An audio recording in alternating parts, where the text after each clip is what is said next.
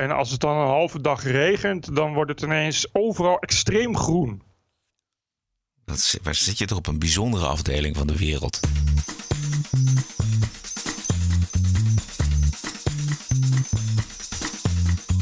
This is the TPO podcast. Ranting and Reason. With Bert Brusson and Roderick Phalo. De Amerikaanse schrijver Michael Wolff stampvoetend boos na college tour. Brussels nepnieuwsbureau onder vuur. Trump oogst lof onder vijanden. En het referendum is dan wel aan gort, maar nog niet helemaal uit zicht. De uitslag van het referendum wordt door velen beschouwd als een maatstaf voor de Europese gezindheid van het heden Nederlandse volk. Welkom bij deze extra aflevering op vrijdag, aflevering 55. This is the TPO podcast. Het is eh, vandaag vrijdag 23 februari. En eh, dit is een extra podcast, nummer 55. En dat doen we eigenlijk, Bert, om iedereen te bedanken die donateur is van deze podcast. Die wel eens geld aan ons heeft overgemaakt. En omdat we gemoderniseerd zijn, kunnen we nu zelfs podcasten als Bert waar dan ook op de wereld zit. En Bert zit op dit moment Gran Canaria, de Canarische eilanden, voor uh, de westkust van Afrika. Eigenlijk uh, ongeveer 150 kilometer hier vandaan is de Sahara en Marokko. Wat voor week heb je gehad? Ik heb een uitstekende week gehad, want het was hier mooi weer. Vandaag even niet. Vandaag regent het ietsjes, maar vergeleken met Nederland is dat helemaal niets. En jullie gaan de komende dagen echt tot min 15 krijgen. Ja. Uh, en dan is het hier ja, maximaal. Als het hier echt koud wordt, is het plus 15. Om even gewoon een beetje dat verschil van 30 graden nog even te benadrukken. Wat overigens een reden is dat ik nog gewoon een paar dagen heb bijgeboekt. Want ik wil zoveel mogelijk kou uh, uit mijn leven houden voor de rest van mijn leven. Dat begrijp ik. Nog eventjes over die donaties. Uh, de, het volgende project is een mooie tune voor ons. Want we gebruiken nu natuurlijk wel een mooie tune. Maar die tune is eigenlijk, ja, die moeten we eigenlijk betalen. Donaties blijven welkom. Wilt u ons steunen? Ga dan naar tpo.nl slash podcast en dan ziet u hoe u kunt doneren. En hoe klein het bedrag ook is, het is altijd van harte welkom. Ja, dat is wel een goeie. Want als iemand dan uh, een goede componist weet, of denkt zelf te kunnen componeren, ja. dan houden wij ons van harte aanbevolen. Precies. Donderdag, gisteren is het raadgevend referendum begraven, zoals dat dan uh, mooi heet in de media. Uh, er is de afgelopen dagen heel fel over gedebatteerd. Met een glansrol, het moet gezegd worden, voor de oppositie. Zo gênant, zo pijnlijk. Je zou verwachten dat het slachten van de enige bestuurlijke vernieuwing sinds Thorbecke 1848 met enig eergevoel en enig decorum gepaard zou gaan. Maar we zien een pijnlijk tafereel van een minister die geen argumenten heeft, geen tekst. Ze zegt dat de wet niet goed functioneert, de wet raadplegend referendum. Dat is de balans na welgeteld één referendum. Van links tot rechts, dit is Ronald van Raak van de SP. Er is nog een referendum. En hoe hard regeringspartijen ook roepen dat u de boom in kunt, dat u kunt stemmen wat u wilt, maar dat zij er niks van zullen aantrekken, laat u dat niet gebeuren. Democratisering begint niet in deze zaal, maar begint hier buiten. Begint niet bij de Kamerleden, maar bij de kiezers. Democratisering begint altijd bij nee zeggen. En mensen kunnen nee zeggen. En die oproep doe ik aan de mensen. Laat u horen, pik dit niet, laat dit niet gebeuren. Bert Brussen die kan kont nog niet keren of ze schaffen het referendum af. Nou, ze hebben meteen de democratie ook afgeschaft. Hè? Ik vind ook, uh, hartje, hartje, hartje Martin Bosma. Elke keer als die uh, spreekt bij dit soort gevallen of over mediazaken... of in dit geval inderdaad afschaffen van de referendum... is het een geweldige one-man show. Ik, er zijn ook al heel veel filmpjes online. Want hij zit ook wel eens in die andere zaal. daar zit hij in commissies. Dat is ook altijd geweldig als Bosma aan het woord is. Overigens moet ik zeggen dat Ronald van Raak er ook heel goed is. Wat je toch Ja. niet snel zou verwachten van een SP'er. Maar ik moet zeggen dat die zeker bij monden van Ronald Verraken heel veel heeft gedaan om, om de, de, referendum in ere te houden en te laten voortbestaan. ja, en ik kan niet anders. Het is echt, echt. Ik zag Martin Bosma twitterde gisteren heel grappig een foto van het graf van Hans van Mierlo. En dat vond ik wel zoveel zeggend terecht.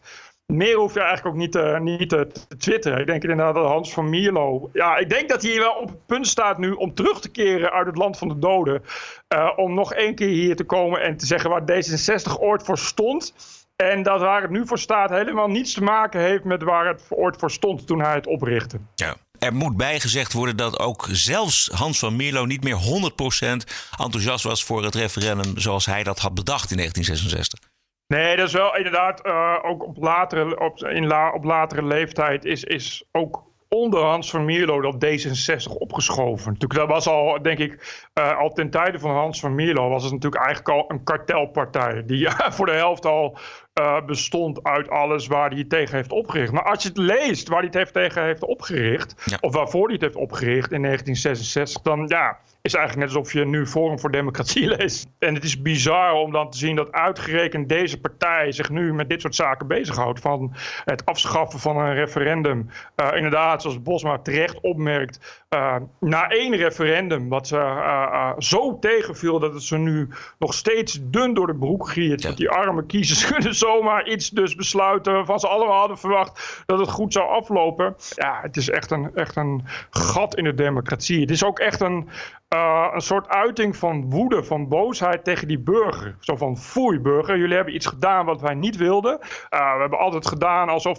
die burger welkom was. Daarom waren er ook referenda, daarom hebben we het ook ingevoerd. Het is allemaal democratisch je mag zeggen wat je wil en dan doe je dat. En dan is het nee, nee, nee, nee, nee, dit was niet de bedoeling. Laten we het nu maar snel weer afschaffen. Harry van der Molen van het CDA. Is dat het referendum simpelweg een speeltje van politici is geworden? Dat onder een beetje een vermomming van dat het inspraak van de kiezer zou zijn, omdat u achteraf hier aan het spreekgestoelte dezelfde discussie wilt voeren die u vooraf het aannemen van een wet heeft gevoerd. En ik vind dat echt, terwijl hier grote woorden over de burger wordt gesproken, echt een beetje, laat ik maar zeggen, de kiezer bij de neus nemen. Het is gewoon bizar als stoor. Dit kun je gewoon niet eens uitleggen in het buitenland. Ik kan het hier wel proberen, maar... Laten we even luisteren naar het, de reactie van uh, Thierry Baudet van uh, Forum voor Democratie. De heer Baudet. Ja, dit is echt kolder. Uh, de argumenten die ik net noemde tegen het dramatisch associatieverdrag... zijn directe argumenten tegen dat associatieverdrag. Dat zijn geen afgeleide argumenten. Dat zijn geen er bij de haren bijgezepte argumenten. Dat zijn argumenten tegen dat dramatische verdrag. Een van de allergrootste geopolitieke vergissingen in de, in de geschiedenis van de Europese Unie en in de geschiedenis van, van Nederland sinds het de val van de Berlijnse muur. En daar is ook empirisch onderzoek naar gedaan naar wat de Nederlandse kiezer daarvan vond. En het overgrote deel van de kiezers stemde tegen omdat ze de Oekraïnse regering niet vertrouwde vanwege de corruptie daar. Heel terecht punt, want Oekraïne is een van de allercorruptste landen in de hele wereld. En een ander deel stemde tegen omdat ze ervan overtuigd waren, terecht, dat dit Oekraïne op de rand van lidmaatschap zou brengen. Beide punten zijn gewoon feitelijk correct. Dat zijn goede inhoudelijke argumenten om tegen het dramatische associatieverdrag met Oekraïne te zijn geweest. En het hele argument dat niemand dus wist waar hij voor stemde, is flauwekul. U wist waarschijnlijk niet waarvoor u stemde toen u dat stomzinnige verdrag goedkeurde. U heeft geen flauw idee wat er allemaal speelt. U weet niet wat de Europese Unie allemaal van plan is. U weet niet wat er in Oekraïne allemaal aan de gang is. Dat is wat u werkelijk zegt, maar hou de kiezer erbij. Go, Cherry, go. Ja, hij was echt boos. Ja, en terecht. Pechtold was er uh, de afgelopen dagen niet, maar hij was er gisteren wel. En toen kwam de NOS met, uh, vond ik, een hele leuke vraag. Bent u nog wel geïnteresseerd in de mening van de burger? Iedere dag. En waarom schaft u dat referendum dan af? Ja, u heeft het over het, het referendum. Dit is het raadgevend referendum. Daar is de politiek niet aan gebonden. En was elke keer discussie over de opkomst. En ja, is een uitslag dan, dan, dan een advies of toch misschien bindend? En dat is dan niet goed voor het vertrouwen van mensen in, in belangrijke zaken als de democratie. Het correctief referendum is nog steeds iets waar ik hoop in de toekomst. Maar misschien moeten we dat allemaal eens rustig evalueren. Kijk, daar gaat hij al. Ja. Waar we wel de handen voor op elkaar krijgen. Ja. Ook, ook het correctief referendum eh, gaat door het toilet bij D66 volgens mij. Je, ver, je, verwacht het niet hè, bij D66. Ja. Terwijl dat normaal altijd zo'n principiële standvastige partij is. Hé hey, Alexander Pechtold, het volk heeft geen brood meer om te eten. Parbleu, heeft het volk geen brood meer om te eten? Dan kunnen ze toch cake eten. Deze uitspraak van uh, Alexander Pechtold. Hij houdt zich namelijk altijd vast nog aan dat echte correctief referendum. Maar ja. dat, dat, dat gaat hij hier uh, op deze manier natuurlijk ook uh, al richting het graf prijzen. Dus hij bevestigt eigenlijk die vraag van de NOS. Wilt u nog wel luisteren naar de burger? Hij kan het niet eens meer voor zich houden. Je ja. voelt gewoon dat hij inderdaad in, in al zijn vezels voelt. Ik ben gewoon helemaal klaar ook met die burger.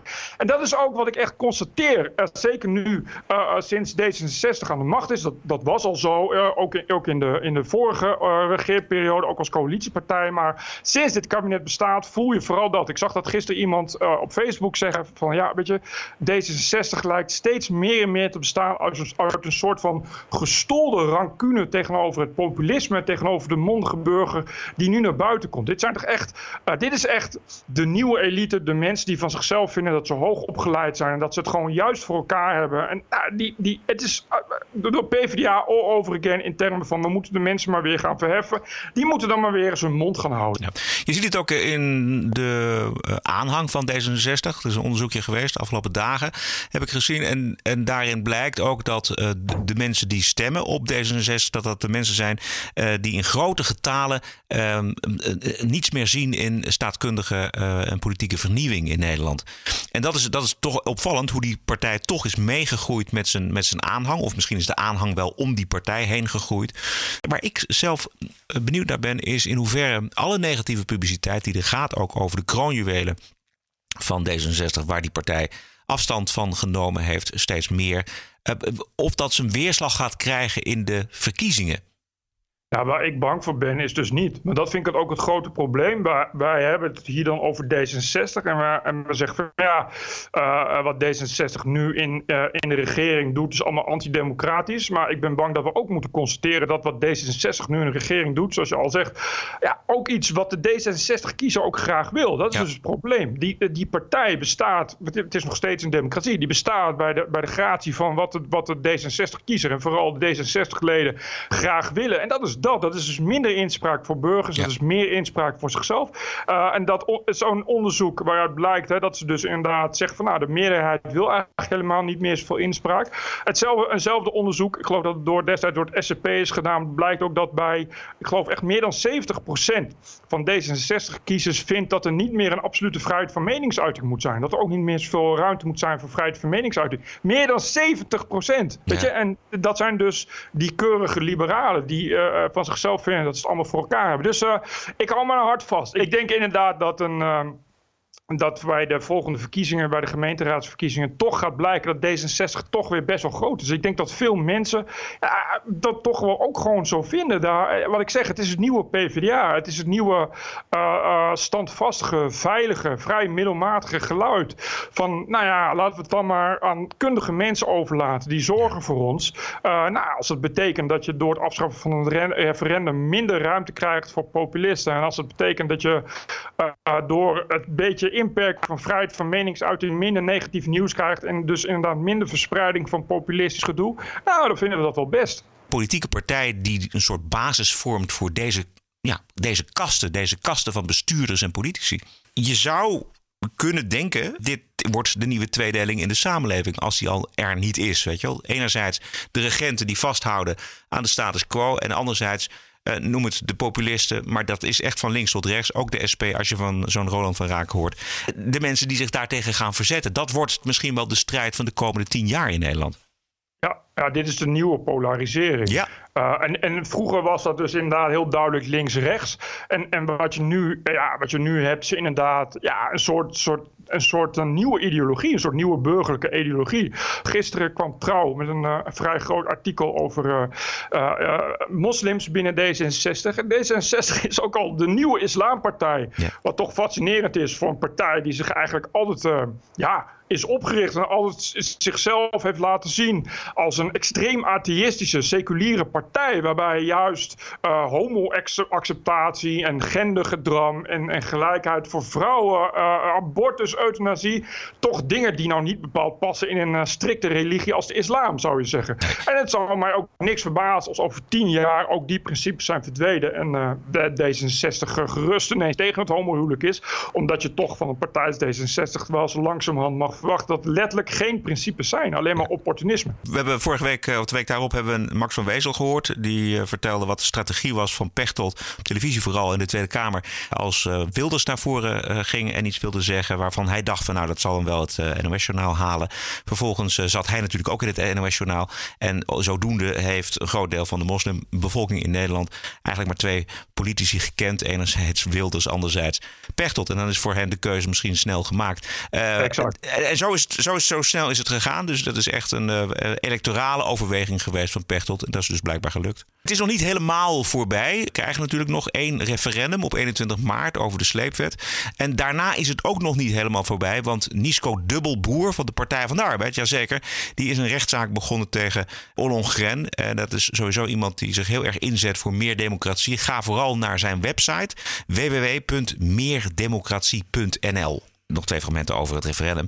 Eh, het eerste fragment eh, komt uit Zwitserland, het land van het referendum natuurlijk. Daar heeft de correspondent in Nederland van de publieke omroep in Zwitserland eh, met stijgende verbazing de afgelopen dagen gevolgd. En volgens haar komt het allemaal omdat Rutte zich niet een nieuwe blunder in Europa will laten overkommen. Es war eine unglaubliche Schlappe für den Premier, nicht nur zu Hause, sondern vor allem auf dem europäischen Parkett, weil die Niederlande damals auch noch den EU-Ratsvorsitz inne hatten.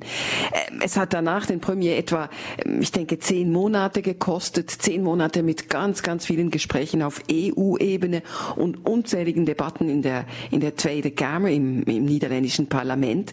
Und schlussendlich hat dieses, das niederländische Parlament, dann doch noch zugestimmt und konnte das Abkommen mit einer leichten Veränderung ratifiziert werden. Aber Rütte wird es natürlich eine Lehre sein, einen äh, ja so empfindlichen Gesichtsverlust, dass das will der nie mehr und deshalb soll nun dieses blutjunge Referendumsgesetz wieder abgeschafft werden. Dit is eh, heel mooi gesproken. Juist. Overigens mag ik daar nog Ja, even op reageren, zeker. want zij, zij, eh, dat is natuurlijk waar. Kijk, Rutte eh, en de VVD. Kijk, de VVD is ideologisch helemaal dood en leeg. Ik bedoel, ik heb zelf vandaag nog kunnen linken naar een, stukje op eh, de opiniesite van RTL Z. Omdat de column van Roderick Velo zomaar ontbrak vandaag. heb ik gelinkt naar de column van Stefan Okhazen. Wat toch ideologisch gezien niet altijd mijn grootste vriend is, zal ik maar zeggen. Maar die heeft gefactcheckt eh, of de VVD inderdaad, ja, kwam een beetje neer, de slechtste partij is. eh, gezien het aantal ministers die moeten opstappen en het aantal problemen. En het is inderdaad ja, de minst integere partij ooit. Van alle politieke partijen komt het bij de VVD het vaakst voor dat eh, ministers moeten opstappen. Stappen, dat, wordt gelegen, dat wordt gelogen, eh, dat er niet integer is, dat er problemen zijn. Dus de, eh, VVD heeft steeds minder en Rutte al helemaal. Rutte is natuurlijk, die is natuurlijk wat je zegt, bij, bij touwtjes en plakband bijeengehouden is hij nu premier van een kabinet op, de, op, de, op zijn tandvlees. Moet je dat nu weer proberen vol te houden? Ja, in een goed blaadje komen wij Europa is het enige wat hij heeft. En dat is, daar houdt het echt verder ook helemaal mee op, wa- wat Rutte betreft en wat VVD betreft. Dus hij moet wel. Tot slot, het eerste referendum in Nederland werd gehouden in 1952. En dat was een proefreferendum in twee plaatsen, in Delft en Bolsward. En die ging nota bene over de oprichting van de Europese superstaat. Uit alle lagen van de burgerij kwamen ze naar de stemlokalen. Ouden en jongen, boeren en zakenlieden, arbeiders en industriëlen, huisvrouwen en ambtenaren. Zij kregen de vraag te beantwoorden of zij voorstanders zijn van een verenigd Europa onder een Europese overheid met een democratische vertegenwoordiging omschreven in een Europese grondwet. Een jonge vrouw die voor het eerst stemde zei... Ik stem ja omdat wij als toekomstige huisvrouwen een grotere welvaart en veiligheid voor onze kinderen mogen verwachten. In overweldigende meerderheid hadden de mensen voor de Europese eenheid gestemd. De uitslag van het referendum wordt door velen beschouwd als een maatstaf voor de Europese gezindheid van het heden Nederlandse volk. 1952, Bert. Aha, ik vroeg me altijd af, eh, wie hebben ons deze semi-dictatuur eigenlijk in de maag gesplitst? Maar dat blijken dus eh, de huisvrouwen en industriëlen te zijn die in grote getalen zijn komen opdagen bij dit referendum in Bolsward. Ja, geweldig hè. TPO Podcast. De Verenigde Staten zijn al de hele week in de ban van de oplaaiende discussie over het wapenbezit. En het is natuurlijk allemaal naar aanleiding van de schietpartij op een school in Florida. Die kostte 17 mensen het leven. De dader is een 19-jarige jongen. Geestelijk niet helemaal in orde, maar wel legaal in het bezit van een half automatisch wapen. Nou, daar is waar een deel van de discussie in Amerika over gaat deze week. En president Trump die heeft familieleden van slachtoffers uitgenodigd op het Witte Huis om hun verhalen aan te horen. Dit is Andrew Pollock, die zijn dochter verloor. It doesn't make sense. Fix it. Should have been one school shooting, and we should have fixed it. And I'm pissed because my daughter I'm not going to see again.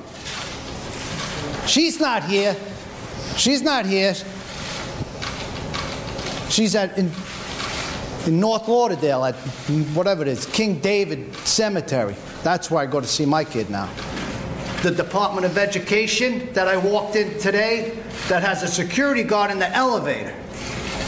How do you think that makes me feel? In the elevator, they got a security guard. I'm, I'm very angry that this happened because it keeps happening.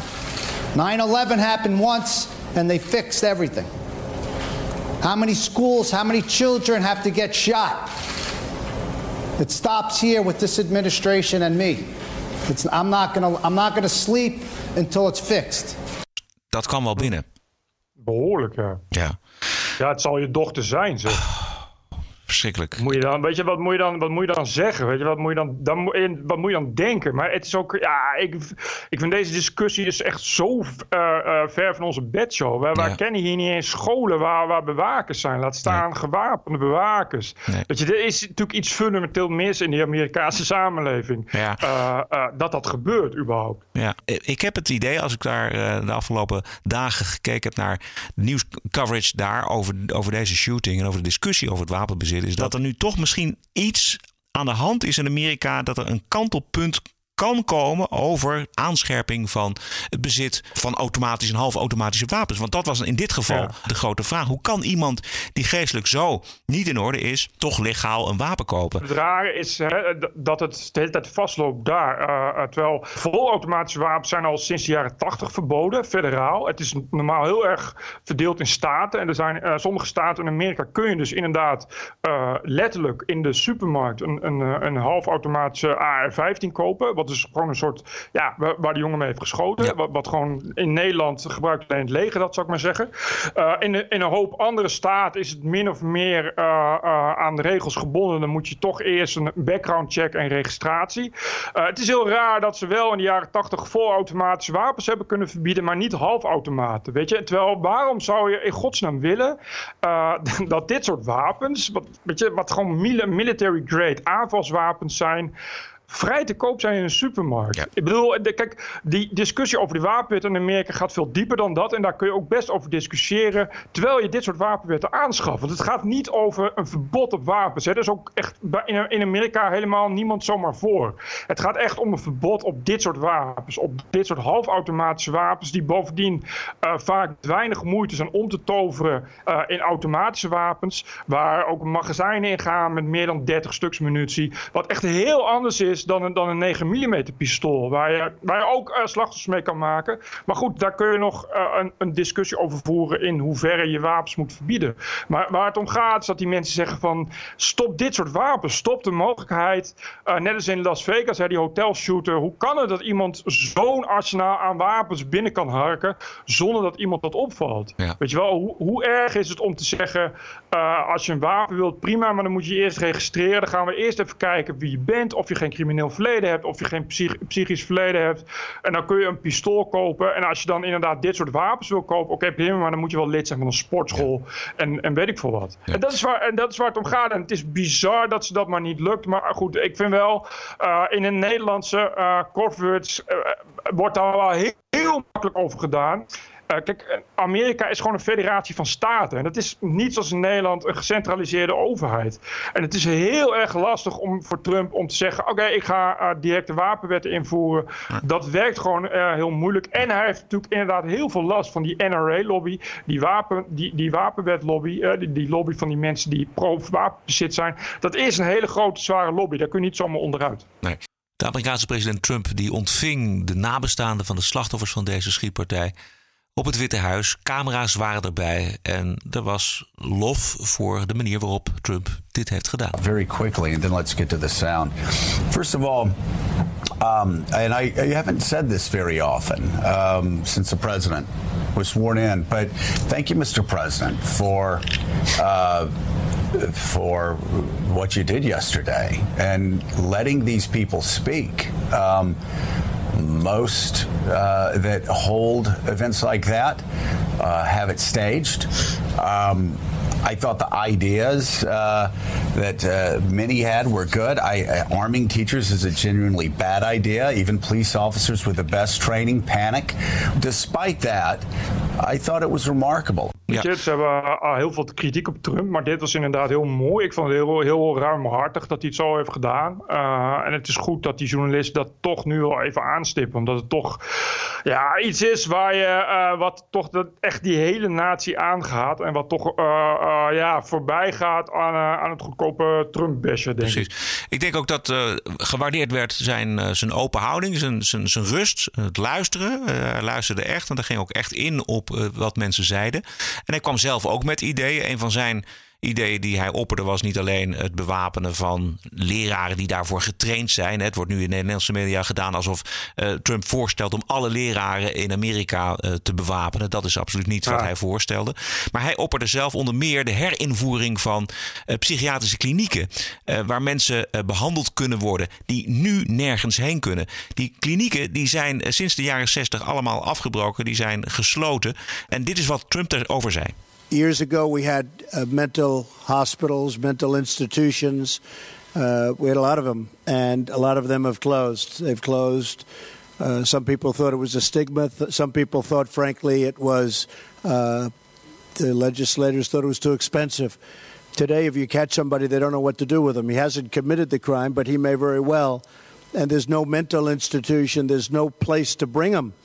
And we have that a lot. Even if they caught this person, I'm being nice when I use the word person, uh, they probably wouldn't have known what to do. They're not going to put them in jail, and yet, so there's no that middle ground of having that institution where you had trained people that could handle it and do something about it and find out how sick he really is, because he is a sick guy. Uh, Trump speelt het heel slim hier, hè. Uh, Hij, hij, hij, speelde nu dus inderdaad op meer psychiatrische klinieken. Waar hij overigens gelijk in heeft. We zien natuurlijk precies hetzelfde probleem in Nederland. Steeds meer verwarde mensen op straat. Waar natuurlijk de politie steeds vaker op klaagt. Omdat dat, ja, die rechtsstaat is daar niet op toeberust. Want dat, wat hij al zegt. Je hebt dus mensen die moet je oppakken. Maar die hebben niks gedaan. Dus moet je ze ook weer laten gaan. En dan worden ze niet behandeld. Dan wordt het problematisch. Uh, in Nederland hebben we geen, geen uh, halfautomatische wapens. Of überhaupt geen vuurwapens in de supermarkt. Dus vallen de slachtoffers mee. Uh, hiermee omzeilt hij uh, een grote botsing met, uh, met, met, met, met de wapenliefhebbers in Amerika. en vergeet niet uh, wat, wat, ik heel veel hoor is dat er nu ineens uh, kritiek is op Trump, van die wil daar niets aan doen. Uh, Obama heeft het ook geprobeerd, maar Obama is het ook niet gelukt hè, om die halfautomatische wapens af te, af te schaffen. Ja. Terwijl hij dat dolgraag wilde. En dat geeft wel aan hoe moeilijk dat is. Het ligt niet per se aan Trump. En ik denk dat Trump, ja, dat is wat ik zeg, er zijn echt maar heel weinig mensen die een serieus idee hebben dat het echt heel goed is voor je natie als je in de supermarkt of waar dan ook zonder registratie halfautomatische vuurwapens kunt kopen.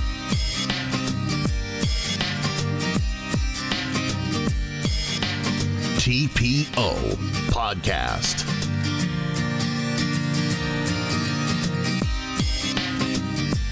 Oh ja, Michael Wolff is ja. heel boos. Dat is de schrijver van Fire and Fury over Donald Trump. Hij is in Nederland om zijn boek te promoten, maar hij heeft alle interviews met Nederlandse media inmiddels afgezegd.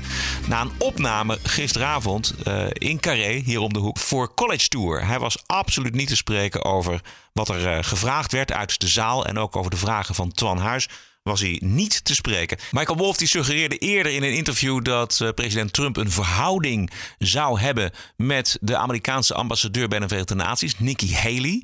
En daar kwam een vraag voor uit de zaal in Carré. But implying that a woman is having an affair is not trivial because you're therefore actually implying her on a professional level and damaging her reputation. That's not trivial in my opinion. Did, did you just listen to this conversation before? whether she's Republican or Democratic, implying that and ruining someone's professional reputation. Let me say this. Let me say this as as, as as directly as I can. Let's go right through uh, through the um, uh, um, um, anybody's thick skull. Um, um, I did not. I do not know who Donald Trump is having an affair with. De arrogantie is ongelooflijk. Parool schreef het mooi op. Die schreef: hij kwam voor een warm bad, maar het werd een koude douche. Ja, ja, hij heeft gelijk. Ik zou, uh, als ik hem was, uh, überhaupt niet naar Nederland uh, zijn gekomen. Waarom maar ja, hij wist dat natuurlijk niet. Ja, hij weet natuurlijk niet hoe verschrikkelijk de Nederlandse media zijn. Dus ja, daar, kijk, hij wordt natuurlijk uitgenodigd, zoals al een aantal keer eerder is gebeurd in uh, College Tour, uh, onder voorwensen dat je uh, ruimte krijgt en dat je een eerlijk interview krijgt. Maar wat er gebeurt is dat er een mes in je rug wordt geduwd en dat je ja, een soort voor een morele inquisitie komt te zitten. Nee, dat dus is absoluut niet waar, oprotten. Dat is absoluut Nou, niet waar. Dat is, we kunnen het allemaal maandag eh, kunnen we het zien, want dan wordt de College Tour uitgezonden. Maar wat ik er nu over lees, eh, is dat hij eh, dacht van, nou ja, weet je, het, het- het- Nederland is ook een, een anti-Trump land en eh, mijn boek wordt daar goed ontvangen. En er worden hier gewoon vragen gesteld. En dat, daar heeft de Amerikaanse ambassadeur natuurlijk ook al rekening mee eh, eh, moeten houden. Maar er worden hier gewoon vragen gesteld. En dat boek van hem, het probleem van het boek is dat het alleen maar zijn observatie is. Dat hij verder eh, kan hij niemand bijhalen. Er zijn geen bewijzen voor. Hij was de vlieg aan de muur en hij heeft gezien en gekeken wat er in het Witte Huis allemaal gebeurde. En hij heeft het opgeschreven op zijn manier. En hij heeft onder andere geïnsinueerd dat Trump een relatie zou hebben met die eh Nikki Haley. Als je dan een journalistiek boek schrijft, dan moet je ook dit soort vragen kunnen beantwoorden. En dat kan die niet. Ik ben het echt volledig niet met je eens. Eh, ik, ik bedoel, ik ben het met je eens dat dat boek natuurlijk een heel raar boek is. Dat, je allemaal beweer, dat hij allemaal doet die hij niet kan onderbouwen. Hij kan het net zo goed helemaal verzonnen hebben. Dat is het probleem. Maar waar het volgens mij om ging, eh, is dat hij zegt van, nou, ik zit in een interview. En daar worden herhaaldelijk vragen gesteld waarop, waarop hij dus zegt, ik leg het nog een keer uit. Maar als je daar maar over door blijft drammen, ja, dan houdt je interview een beetje op. En dat is het probleem. En ik, ik vind ook, weet je, daar... Nee, wacht even, dat meisje ik stelt één een- vraag. En hij kan dus gewoon geen vragen beantwoorden. Ja, zover ik eh, eh, eh, het stuk van het parool begreep, ja, we hebben niet de hele uitzending gezien, is deze vraag van het meisje maar een onderdeel van een langdurige gedram. Daarom was hij het ook zat. Dat is dus het probleem. Het gaat er niet om dat één iemand een vraag stelt. Het gaat erom eh, dat er herhaaldelijk dezelfde vraag wordt gesteld. En hij dus herhaaldelijk zegt, daarom zegt hij ook, het maakt ook die opmerking over je thick skull. Eh, op het moment dat dat meisje die vraag stelt, zijn die vragen dus al aan de orde geweest. Eh, bovendien, ja, sorry. ik Maar niet goed beantwoord, nul- Bert. Je, je, je blijft er gewoon doorvragen als iemand geen antwoord geeft. Ja, oké, maar wa- wat heb je eraan als je blijft doorvragen? Dan heb je dus geen interview, dan heb je dus geen verhaal. Dat is dus precies het probleem überhaupt van het hele college tour. Is dat het vaak, ja, ik vind dat het veel te vaak over eh, eh, het morele ego van de vragensteller en de vragenstellers gaat, dan over eh, het onderwerp van de gast. Bovendien, nogmaals, eh, weet je, die mensen worden uitgenodigd op basis van wil je bij ons komen? Want het is een programma waarin, je, waarin we behalve vragen stellen ook dingen mag etaleren. Dat is ook gebeurd met die kunstenaar Daan Rozengaarde. Die is toen ook boos weggelopen. Omdat op het moment dat je er zit, blijkt dat je helemaal niet zoveel ruimte krijgt om dingen te etaleren. Maar dat je herhaaldelijk vragen wordt gesteld waarop ja, al hebt gezegd dat je daar niet eeuwig over wilt doorgaan. En dat begrijp ik heel goed, dat hij dat dan zat is. In de- en dat hij ook de Nederlandse media zat is. Nou, kom op zeg. Hij kent de Nederlandse media niet eens. Hij is, ik vind het een, echt een zwaktebod. Hij heeft een, een, een boek geschreven. Dus er wordt enorm verkocht. Dat, dat is een enorm hot topic. eh, over de samenstelling van het boek en over de beweringen. Daar, daar leven heel veel vragen. Nou, die vragen moet je, moet je stellen. Als hij niet goed beantwoordt, moet je die vragen nog een keer stellen. En ik begrijp helemaal niet, eh, Bert, waarom jij het voor hem opneemt. Ja, ja, omdat ik... eh, een- ja, sorry, maar omdat, Omdat jij ik... een eh, hekel ja, aan het en, en Nederlandse- college tour hebt. Nee, ik, dat ook. De Nederlandse media zijn eigenlijk allemaal hetzelfde. Maar dat weet hij niet. Dus wat dat betreft zou je kunnen zeggen dat hij inderdaad een nogal arrogante reactie heeft gegeven. Want hij kan niet weten hoe slecht de media, Nederlandse media in werkelijkheid zijn. Dus, maar dat hij een eh, interview met Parool heeft afgezegd, dat heeft hij heel goed gedaan. Ja, dan had ik hem van tevoren wel kunnen vertellen dat hij dat vooral niet moet doen. Nou, wat, dat dat vind ik, dus wat is dat nou voor een, voor een argument? Ik bedoel, waarom zou je... Je, je bent op een promotietour voor je boek. En, dan- en dan heb je natuurlijk heb je, heb je interviews. En dat doe je om je boek te promoten. Maar dat wil niet zeggen dat je in die interviews... eh, dat de journalisten dan zoete broodjes moeten bakken met deze Michael Nee, maar daar, ga- daar gaat het toch ook niet om. Eh, natuurlijk is het heel goed, juist heel goed, als je daar als journalist kritische vragen bij stelt. Maar op het moment dat je die vragen niet kan beantwoorden, houd het een beetje op als je daar maar over blijft doorgaan. Dan kun je dus geen interview houden. Dat vind ik dus het probleem. Je kan er wel de hele tijd zeggen: ik ga die vraag nog een keer herhalen. En ik ga die vraag herhalen in, in 16 verschillende vormen. Maar ja, het antwoord was al duidelijk, namelijk dat je daar geen antwoord op hebt. Dus dan kun je daar wel nog een keer over gaan doorvragen. Maar als dat alles is, kun je inderdaad net zo goed weggaan. Dus dat vind ik wel heel slim van hem. Bovendien, ik blijf erbij. Ja, ik, ik, zou, ik raad hem echt aan en ik raad iedereen aan. ah, Zeker als je niet uit Nederland komt. Mijd de Nederlandse media, mijd Nederlandse Ja, maar journalistiek. eh, dan, dan zou hij ook TPO moeten eh, weigeren. Als als jullie een aanvraag hadden ingediend bij deze man, dan had hij die ook afgezegd. Ja, dat is dan heel kut. Bovendien, uh, je, je moet de Nederlandse journalistiek mijden, maar niet TPO of geen stel, laat ik het zo zeggen. Ja, maar je kan maar ook niet alle andere media over één kam scheren? Nee, nee, je kan niet alle andere media over een kamp scheren. Maar ik begrijp, ik, nogmaals, ik begrijp dus wel dat ze het doen. Dit is hoe de Nederlandse journalistiek is. Nee, maar mee nee, leven. Nee, Bert, dat helemaal. Dat, ben ik echt, dat ben ik echt totaal met je oneens. Deze man heeft niet op basis van de kennis uh, van de Nederlandse media uh, dit besluit genomen. Hij is gewoon in zijn ego aangetast. En hij, is, hij heeft uit boosheid alle interviews verder afgezegd. Ja, oké, maar dat, dat is inderdaad dom van hem. Inderdaad raar. Omdat hij niet kan weten dat de Nederlandse media inderdaad zo is. Maar het komt wel goed uit. Heel, dat, bedoel, het is heel fijn voor hem dat hij dat heeft gedaan. Anders was het alleen maar nog erger geworden. En nog vermoeiender. Die man heeft wel wat beters te doen dan eens een klein kutland als Nederland. Elke keer maar weer dezelfde moralistische vragen te moeten weerleggen. Waar hij na één keer zeggen dat hij dat niet kan weerleggen. Ja, niet nog een keer 600 keer hoeft aan te horen. maar hoe weet je dat het moralistische vragen zijn? Nou, het programma College Tour bestaat voor 99,99% op moralistische vragen van een sneu blank publiek. Wat zichzelf vooral heel geweldig voelt. En daarom daar gaat zitten om hele sneuwe moralistische inquisitievragen te stellen. Uh, en dat is ook iets wat uh, in de meeste Nederlandse zogenaamde kwaliteitsmedia zo is. Uiteindelijk draait het altijd om een soort sneuwe moraal die er maar herhaald wordt. Ja, ik vind, je, bent, je draaft echt door nu. Hier kan ik uh, niks mee. Je, je bent het niet met me eens, dus dan draaf ik door. Nou ja, je gooit alle Nederlandse media over één kam. Uh, ze, ze, stellen allemaal, ze stellen alleen maar voor 99,9% stellen ze moralistische vragen. Ja, dat vind ik, daar ben ik gewoon absoluut met je oneens. En ook als het gaat over, het, over college tour. Jij kijkt er misschien al jaren niet meer naar. Maar ik, ik, ik kijk er af en toe nog wel eens naar. Maar daar worden gewoon. Uh, ja, de ene uitzending is succesvoller dan de andere. Maar dat geldt voor onze, voor onze uitzendingen ook. Voor, voor alles geldt dat. Maar er worden gewoon ter zake doende vragen gesteld. Maar ik vind dat een uh, goede interviewer uh, niet de hele tijd dezelfde vraag hoeft te herhalen. En zich zo goed moet voorbereiden dat hij dan ook andere vragen kan stellen. En zich er overheen moet kunnen zetten dat die vraag niet wordt beantwoord. Nou, dat vind ik helemaal niet. Ik, ik vind het heel goed als een, als een journalist geen antwoord krijgt op zijn vraag. En dat gebeurt natuurlijk heel veel, zeker met, met politici. Dan moet je gewoon net zo lang door blijven vragen totdat je wel een antwoord krijgt. Als je Ongren één vraag stelt en waar ze geen antwoord op geeft, dan moet je maar naar de volgende vraag. Nou ja, nee, maar als je de hele tijd dezelfde vraag blijft herhalen, waarop, gezegd, ik, de, waarop, waarop een antwoord komt.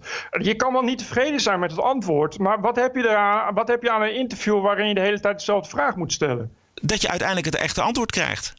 Nou, nee, helemaal niet. Dat echte antwoord komt dus niet, omdat dat antwoord niet gegeven gaat worden. En dat is dus het punt. Je kan ja. wel de hele tijd blijven herhalen, maar als het niet komt, dan komt het niet. Dan moet je verder naar, naar een volgende vraag. Dan moet oh, ja. je daar ook overheen kunnen ja. zetten. Ja. We hebben mooie voorbeelden gezien van uh, Rutger van Kastikum. Die een, politica blijft vragen van waarom, waarom reageert u zo? En dat heeft uiteindelijk wel, er wel toe geleid dat zij gewoon geen antwoord had. En dat ze uiteindelijk het, het veld moest ruimen. Omdat ze misschien wel helemaal geen beleid heeft. Ja, dat komt door het optreden van die politica. Niet door de vragen van Rutger Kastikum. Als hij geen antwoord had gekregen van haar in, in, eerste instantie... en hij was gewoon naar de volgende vraag gegaan... dan was dit verder nooit gebeurd. Dan had je, was je er niet achter gekomen dat iemand, een politica, helemaal geen beleid heeft. Exact, maar zo is Nee, maar kijk, maar zo is niet het format van het programma van Geen Stijl. Dat is het probleem. Je hebt een format als, als College Tour. Daarin kun je dat niet doen. Want dan ga je een half uur zwijgend naar elkaar zitten staren. Weet je, dat, daar heb je dus niet zoveel aan. Waar, waar, dus zijn ergernis vandaan komt. Nogmaals, ik, maar het is niet de eerste keer dat College Tour dit flikt. Weet je? En dat is dus, vind ik, het, vind ik het grote probleem. En daarom begrijp ik hem ook wel. Je wordt onder heel andere uh, uitge, uitgenodigd.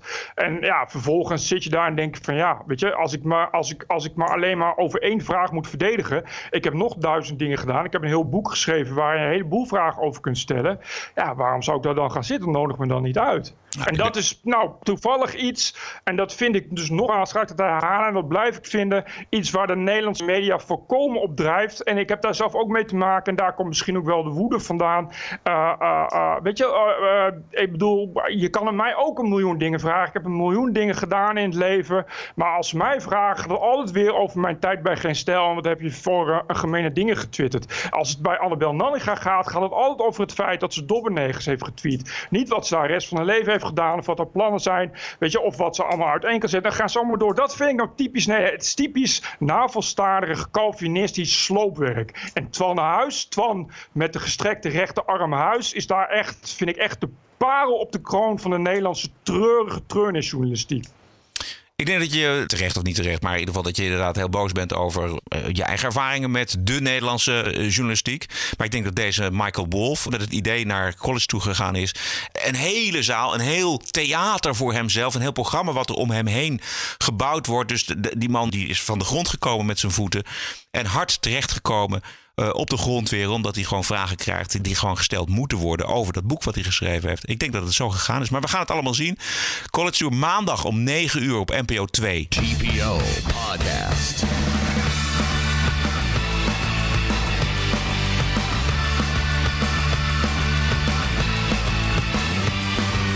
Ranting and Reason. Goed, er is nog meer verzet tegen minister Ollongren. Ook vanuit de coalitiegenoot VVD tegen dat idiote panel in Brussel. EU versus disinfo. Luister naar eh, Peter Quint van de Socialistische Partij. Vandaar de motie waarvan de strekking u vermoedelijk niet zal verbazen. De Kamer gehoord de beraadslaging, constaterende dat EU versus disinfo ten onrechte drie Nederlandse publicaties heeft bestempeld als nepnieuws. Constaterende dat dit bureau vooral zelf het nieuws haalt met broddelwerk en tegenstrijdige verklaringen. Overwegende dat het niet aan overheidsinstellingen is en zeker niet aan Brusselse overheidsinstellingen om vrije perspublicaties te bestempelen als nepnieuws, verzoekt de regering zich in Europees verband hard te maken voor het opheffen van EU versus disinfo en gaat over tot de orde van de dag. Deze motie is mede ondertekend door mijn collega Leijten.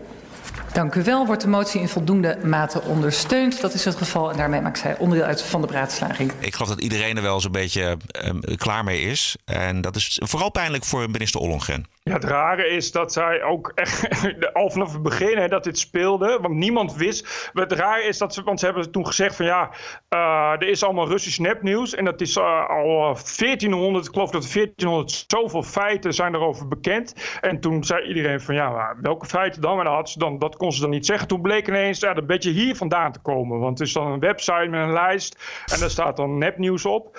Ja, goed uitgerekend. Uh, zeg maar de beste stukken van Geen Stijl en uh, TPO. Ik bedoel, ik ben echt niet de lulligste. Je kan best, als je per se wilt framen dat we nepnieuws maken bij TPO, is er heus wel wat topics te vinden. En bij Geen Stijl ook wel. Uitgerekend, zeg maar, iets van Chris Alberts. En bij Geen Stijl was het ook een citaat. Echt iets wat nou wel keurig in het journalistieke plaatje past. Werd daarvoor gebruikt als nepnieuws. en ja, nou ja, de Gelderlander is natuurlijk een soort keurig blad. Wat ja. ik bedoel, de Gelder, als je, als je keurige, bijna truttige, eerlijke journalistiek wil, dan kun je bij de Gelderlanden terecht. Uh, weet je, en dat komt dan op een lijst. En als je die lijst ook nagaat, dan krijg je al snel de indruk uh, dat ze ja, hebben gezocht op het woord Oekraïne. En dan gekoppeld aan woorden als natie en fout en dictatuur. Dus alles wat gemeen wordt, wat kwetsend is over Oekraïne, hebben ze daar zo'n beetje zo, ja, een soort van aangemerkt van dit klopt niet. Uh, dat blijkt dan ook een beetje de lijst te zijn waarop uh, Ollongren en uh, de EU telkens hun Russisch nepnieuwsverhaal proberen te baseren. in de strijd dan tegen dat Russisch nepnieuws vinden ze dat dan dus, ja, want dat is ook, wordt een verhaal. Er moet een organisatie zijn of in elk geval een platform of een commissie die dan heel eerlijk en betrouwbaar gaat concluderen wat wel of geen nepnieuws is. Ja, en dan is dan dit. Ja, dan lach je toch de bal uit je broek. Maar goed, die Ollongren zit er natuurlijk middenin, dus die kan niet zomaar weg. Dus die heeft, uh, ik geloof, al drie keer gezegd dat ze, uh, nou ja, die mensen hebben dat wel allemaal gezegd, maar ze hebben het ook weer verwijderd. Dus zo erg is het ook niet. Ja. En ze heeft toch al meerdere malen gezegd dat ze het juist wil gaan uitbreiden. Ja. Wat grappig is, omdat ze zelf beweert, ik geloof dat er al een miljoen euro in zit en waarvan niemand weet ook waar, waar die miljoen euro dan precies heen gaat. zelf beweren ze dat het een grote organisatie is met mensen die in diverse talen spreken. Maar zelfs de NOS, hier gaan we weer uitgerekend. De keurige NOS heeft al uitgezocht dat daar dus twee vrijwilligers zit. Waarvan één uh, in deeltijd en die andere die heet Pavel. En Pavel is inderdaad een uh, Oekraïner die dagelijks in eentje zo'n beetje het internet afstruint naar, naar wat hem betreft nepnieuws is. en als je naar vraagt, zegt ze ja, maar we baseren ons op een netwerk van wel 400 factcheckers. Alleen van die 400 factcheckers blijkt die Pavel in zijn zijn eentje steeds de 400 factcheckers te zijn. Ja. ja, het wordt natuurlijk, weet je, kijk, die minister heeft zich natuurlijk, ja, dat heeft ze natuurlijk allemaal helemaal niet, niet, niet doorgehad. Ze hebben natuurlijk gedacht van, ja, dit moet wel kloppen, want het is natuurlijk ergens ooit bij de EU op een afdeling ja, bij elkaar genetwerkt. En ongetwijfeld zal die Pavel wel ook een lijntje hebben, inderdaad, met anti-Rusland, want het is natuurlijk een Oekraïner. en het past natuurlijk allemaal mooi in het plaatje van de woede die er nog steeds is over dat anti-Oekraïne referendum destijds. en ik ben weer heel blij dat ja, die Peter Quint, ja, dan gaan we weer toch de SP die dat dan moet doen. Maar die, die, weet je, die dus doen wat D66 zou moeten doen. Die dus die regering controleert op het feit van niet, uh, uh, uh, niet te accepteren antidemocratische tendensen. Dus hij zegt het allemaal heel goed. Hij zegt de overheid moet niet de media moeten willen controleren. Laat staan een Europese overheid. Ja, en Bert, het is ongelooflijk dat toch een linkse partij moet opstaan voor de liberale waarden. Goed, tot over deze aflevering nummer 55. Blijf ons steunen. We hebben de donaties nog steeds hard nodig. Want we zijn uh, uh, nog veel meer van plan met deze TPO-podcast. We zijn dinsdag terug. Dinsdag aanstaande met een nieuwe aflevering van de TPO-podcast. Bert, een mooi weekend. Ja. Tot dinsdag. TPO Podcast. Bert Brussen, Roderick Balo. Ranting and Reason.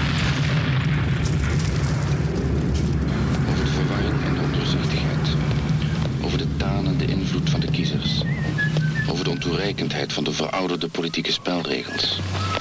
Over de onbewegelijkheid en de verstarring van het partijenstelsel. Over altijd maar weer hetzelfde gezuur en hetzelfde geharrewar in regering en Tweede Kamer. We wilden er zo graag wat aan doen. Democraten 66. En hoe we alle vurig bleven geloven in ons plan. Tja, ons plan. Ons plan voor een nieuw kiesstelsel. Ons plan voor vernieuwing en verjonging voor de breking van het oude vastgeroeste partijpatroon.